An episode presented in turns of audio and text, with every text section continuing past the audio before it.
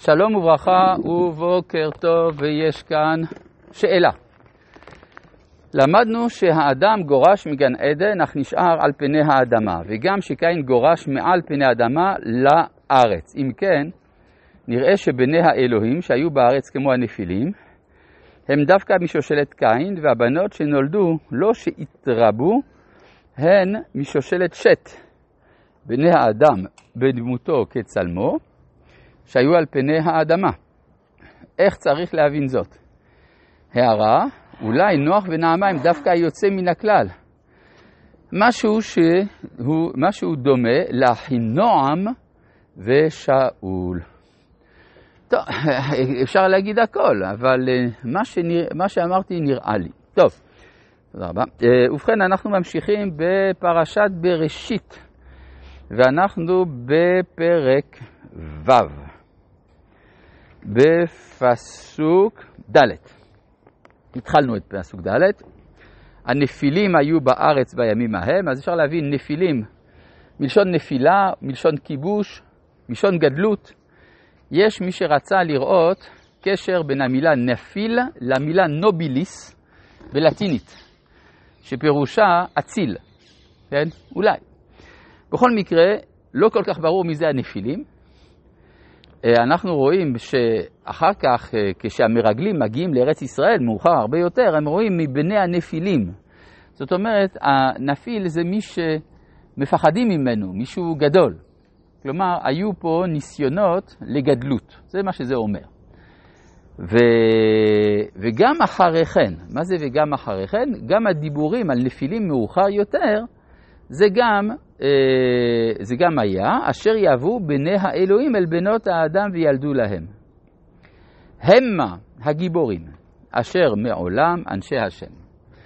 אז אפשר לראות את זה באופן שלילי ובאופן חיובי, תלוי בדרשות במדרשים. הרב אשכנזי המסביר שהרי חז"ל אמרו שנעמה, אשת נוח, היא, כלומר נעמה, אחות תובל קין, היא אשת נוח. ואז יוצא שהצאצאים שלהם הם התולדה המוצלחת של המיזוג בין שתי השושלות, ואז יוצא ששם חם ויפת הם הגיבורים. מה זאת אומרת שהם הגיבורים? הרי אין הנבואה שורה אלא על חכם, עשיר וגיבור, ובני שושלת, בני האלוהים, הבנים של שת, היו כולם חכמים, והצאצאים של קין, כולם עשירים. אבל איפה הגיבורים? הגיבור זה מי שמסוגל להיות גם עשיר וגם חכם כאחד, כי זה שני עיסוקים בעלי כיוון הפוך. החוכמה פונה אל הרוחני, העושר פונה אל הגשמי, ואז יוצא שהאדם נתון לשני כיוונים בבת אחת, הדבר הזה דורש להיות גיבור, שיהיה לו כלי מיוחד, והנה המה הגיבורים אשר יעברו בני האלוהים לבנות האדם, שם חם ויפת. ואז מאותה שעה אפשרית כבר הנבואה בסגנון הישראלי. כלומר, איזה סוג נבואה הייתה, אם בכלל, בימי הקדמונים, אין לנו מושג. כתוב, ויתהלך את האלוהים, או דברים כאלה, אבל מהו האופן של, ה, אה, של הנבואה, זה רחוק מאיתנו. אנחנו מכירים את הנבואה הישראלית שחלה על האדם השלם, שהוא גם חכם, גם עשיר וגם גיבור. ואז יש לזה תולדה חמורה.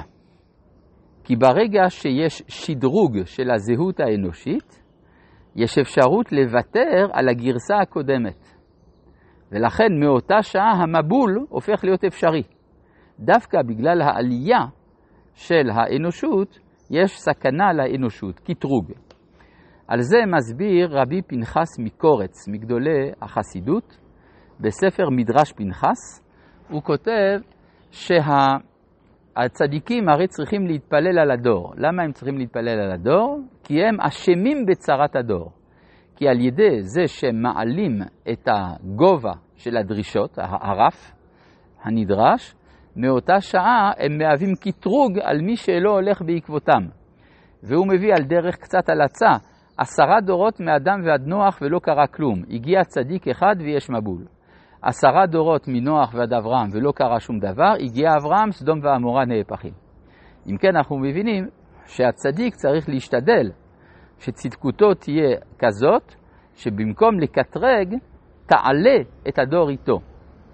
זה בעצם משימה שעולה מכאן. וירא השם, פסוק, כן, אנשי השם. אז או אנשים מפורסמים, כמו אדם ששמו הולך לפניו, יש מי שאומר בחז"ל שהביאו שיממון לעולם. הם הביאו שיממון. מסביר הרב קוק באגרות, שהם הרחיבו את הכלים של השפה. שם זה הבסיס של השפה. ואז יוצא שהאדם יתייחס יותר אל השפה מאשר אל התוכן שלה. וזה מה שמביא שיממון לעולם. כן, זה הרב קוק כותב לבנו, הרב ציודה, כשהוא היה בן 15, התחיל ללמוד כל מיני שפות. ואז הרב מזהיר אותו שלא ללכת אחרי אנשי השם, אנשי השם שהביאו שיממון לעולם. אם כי, לומר את האמת, הרב ציודה היה אדם עם אה, אופי, כן? הרי מספרים, לא יודע כמה הסיפור הזה מבוסס, אבל אני חושב שהוא אמיתי. כשהוא היה בן 16 או משהו כזה, הוא רצה לקרוא ספר של פילוסוף צרפתי, אני חושב שזה היה רוסו או משהו כזה, והרב קוק אמר, אתה קצת צעיר מדי בשביל זה. אז הוא לקח את הספר, נכנס לשירותים, סגר אה, נעל במפתח ויצא אחרי שגמר לקרוא את כל הספר. טוב, אז יש אה, אנשים בעלי אופי בכל זאת. אה, כן. פסוק ה' וירא השם כי רבה רעת האדם בארץ, מה זה רבה? מלשון רוב, ריבוי, התרבות, הרבה רעת האדם בארץ, וכל יצר מחשבות ליבו רק רק כל היום. מה זה יצר מחשבות ליבו? המילה מחשבה בתנ"ך היא שונה מהמילה מחשבה בעברית שלנו. בעברית שלנו המילה מחשבה היא תרגום של המילה האנגלית thinking, כן? כלומר פעולת החשיבה. בתנ"ך המילה מחשבה זה לתכנן, זה רצון, כמו מחשבת המן אשר חשב, או רבות מחשבות בלב איש, ועצת השם היא תקום. אז זאת אומרת, מה זה חשוב לנו מחשבות ליבו? כי אם האדם חושב רע, אבל לא מתכוון לעשות רע, אז זה לא נורא, זה לא אופיו האמיתי. אבל הוא מתכנן לעשות את הרע, יצר מחשבות ליבו, הוא מייצר מחשבות כדי לעשות רע כל היום, ולכן כאן יש קושי בהמשכת הקיום האנושי, וינחם השם כי עשה את האדם בארץ, ויתעצב אל ליבו. טוב, הפסוק הזה הוא פסוק אנתרופומורפי בריבוע, יותר אה, מגשים מזה קשה למצוא. כן, אבל זה בכלל לא משנה, אנחנו רגילים לדיברת תורה כלשון בני אדם. הכוונה, וינחם השם, התחרט, כן? אה, לפי מדרש רבה זה כמו אדם שעשה חופה, מלך שעשה חופה לבנו, ובסוף מת הבן, אז אה, בשביל מה החופה? אז מבטלים את הכל. אותו דבר, החופה של העולם זה הרקיע.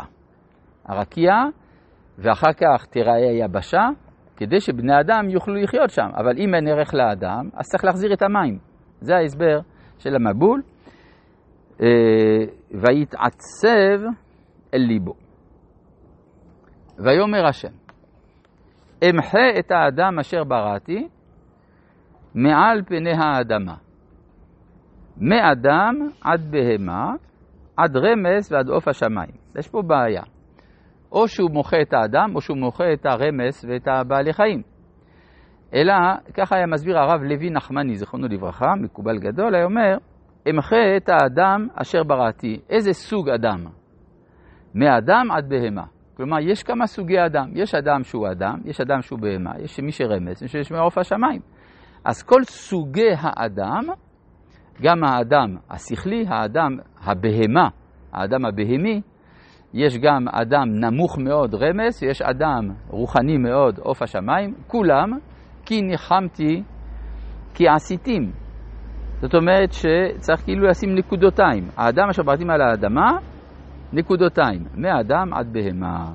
התורה לא מתארת מה זה הרעה הזאת שהיא רבה רעת האדם בארץ. נכון, היא לא אומרת מה רעת האדם בארץ. זה בעיה. אבל בהמשך אולי, פרשת נוח קצת יותר מבורר, אבל פה זה לא מבורר. כן. ונוח, גם נוח בכלל הגזרה, אלא מה, משום מה יצא מזה, בזה נדון פעם הבאה.